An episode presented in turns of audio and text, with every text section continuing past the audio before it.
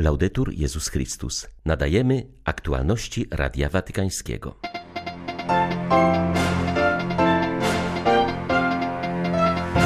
Papież Franciszek zachęcił Polaków do modlitwy o pokój i pojednanie między narodami Europy.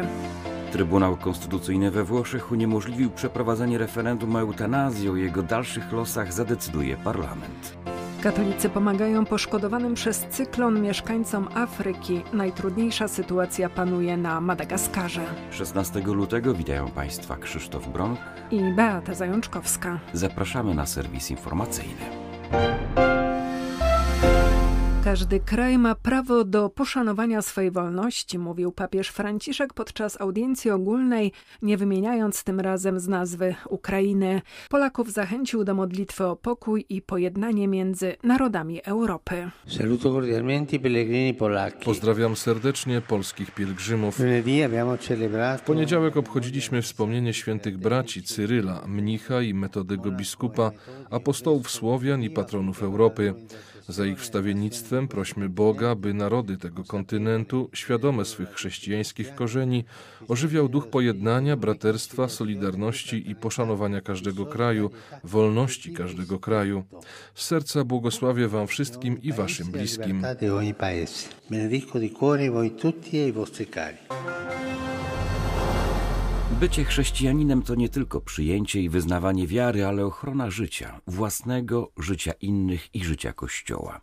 Franciszek mówił o tym na audiencji środowej w ostatniej katechezie o świętym Józefie. Każda osoba głodna i spragniona, każdy cudzoziemiec, każdy emigrant, każda osoba bez okrycia, każdy chory, każdy więzień jest dziecięciem, którego strzeże święty Józef. Dlatego właśnie jest on przyzywany jako opiekun wszystkich potrzebujących, wygnanych, strapionych, a także umierających.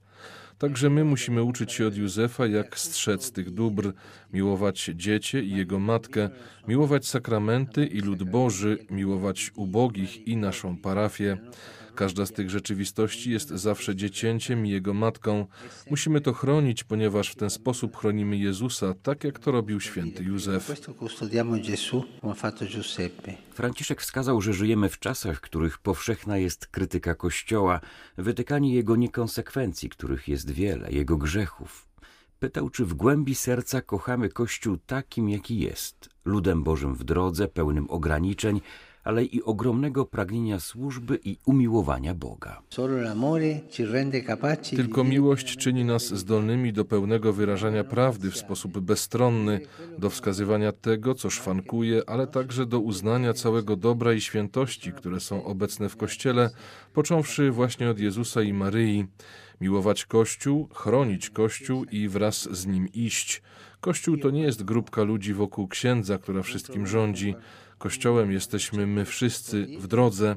Zachęcam Was, abyście prosili o wstawiennictwo świętego Józefa właśnie w najtrudniejszych chwilach Waszego życia, gdy nasze błędy stają się skandalem. Prośmy świętego Józefa, aby dał nam odwagę mówienia prawdy, proszenia o przebaczenie i pokornego zaczynania od nowa.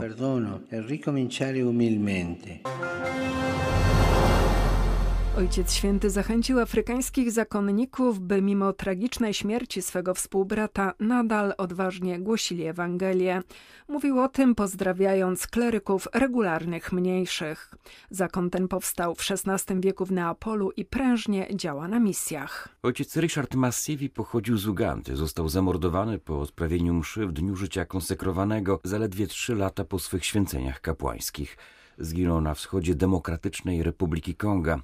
Wiele przemawia za tym, że jest kolejną ofiarą radykalnej grupy powiązanej z tzw. Tak państwem islamskim. W tym samym miejscu rok wcześniej został zamordowany inny kapłan.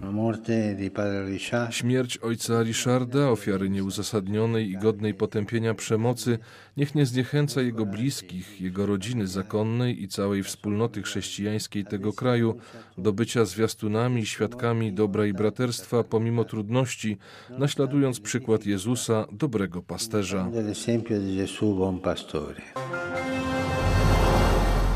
Trybunał Konstytucyjny we Włoszech uniemożliwił przeprowadzenie referendum o eutanazji, które miało odbyć się na wiosnę.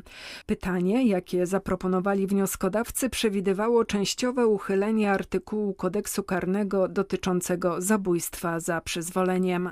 Sędziowie uznali takie pytanie za niedopuszczalne, ponieważ przy pozytywnym wyniku referendum nie zostałoby zachowane wymagane przez konstytucję minimum ochrony życia ludzkiego, w szczególności osób słabych i bezbronnych. Zdaniem kanclerza papieskiej Akademii Życia sędziowie wykazali się przede wszystkim mądrością jako prawnicy, ponieważ częściowe uchylenie przepisu, który zakazuje zabójstwa za przyzwoleniem, uniemożliwiałoby ochronę ludzkiego życia. Ksiądz Renzo Pegoraro przypomina jednak, że dyskusja na temat eutanazji we Włoszech nadal jest otwarta i to właśnie za sprawą Trybunału Konstytucyjnego, który dopuścił w niektórych przypadkach wspomagane samobójstwo, dopóki kwestii tej nie ureguluje parlament.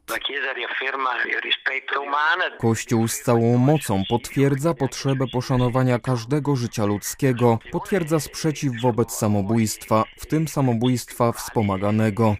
Jego stanowisko, jego wartości i zasady moralne są niezmienne i wielokrotnie były przypominane przez papieża Franciszka.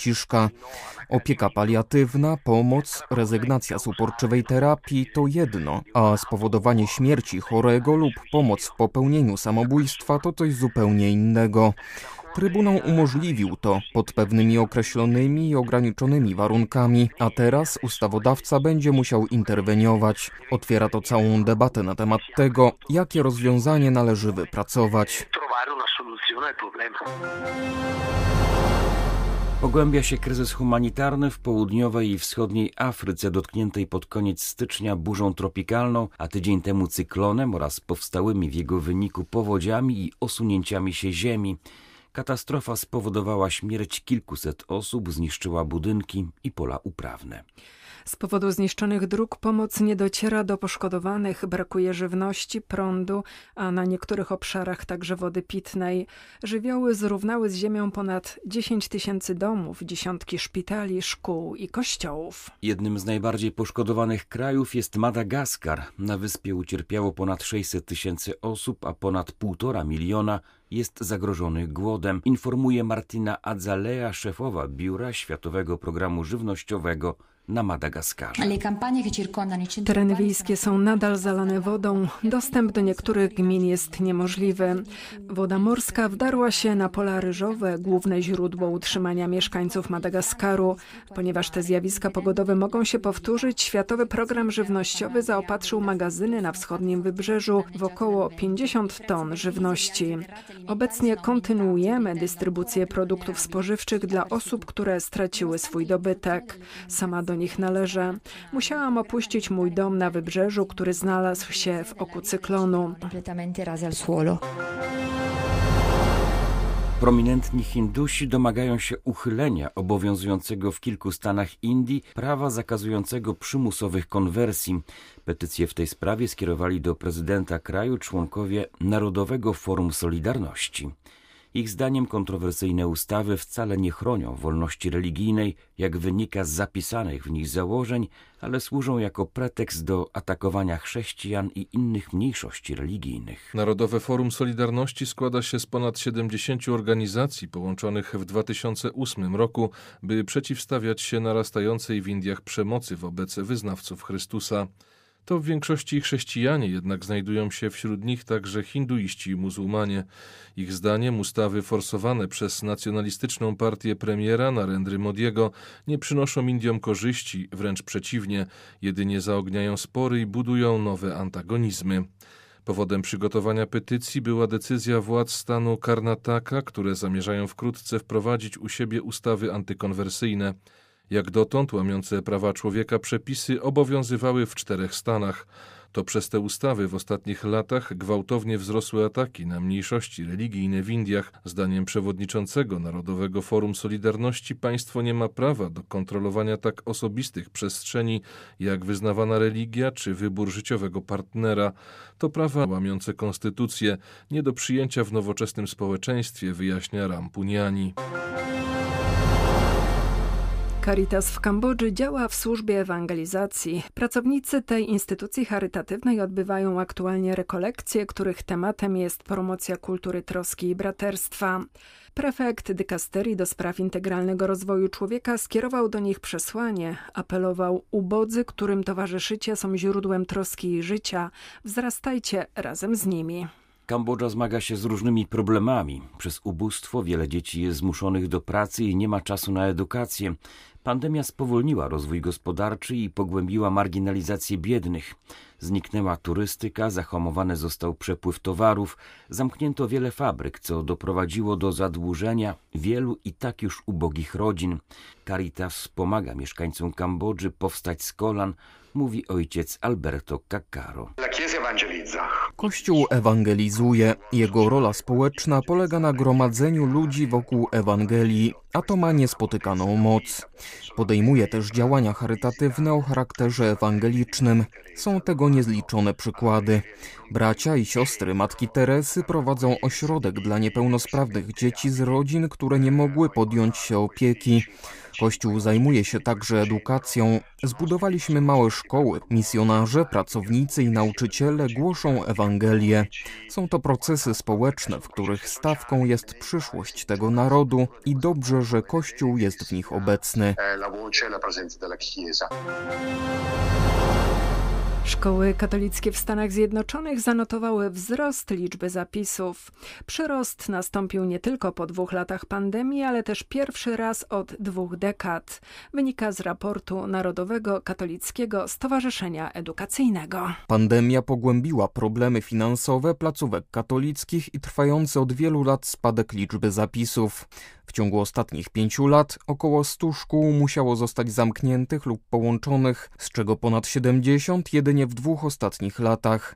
Największe diecezje notowały spadek zapisów dwukrotnie większy niż te mniejsze.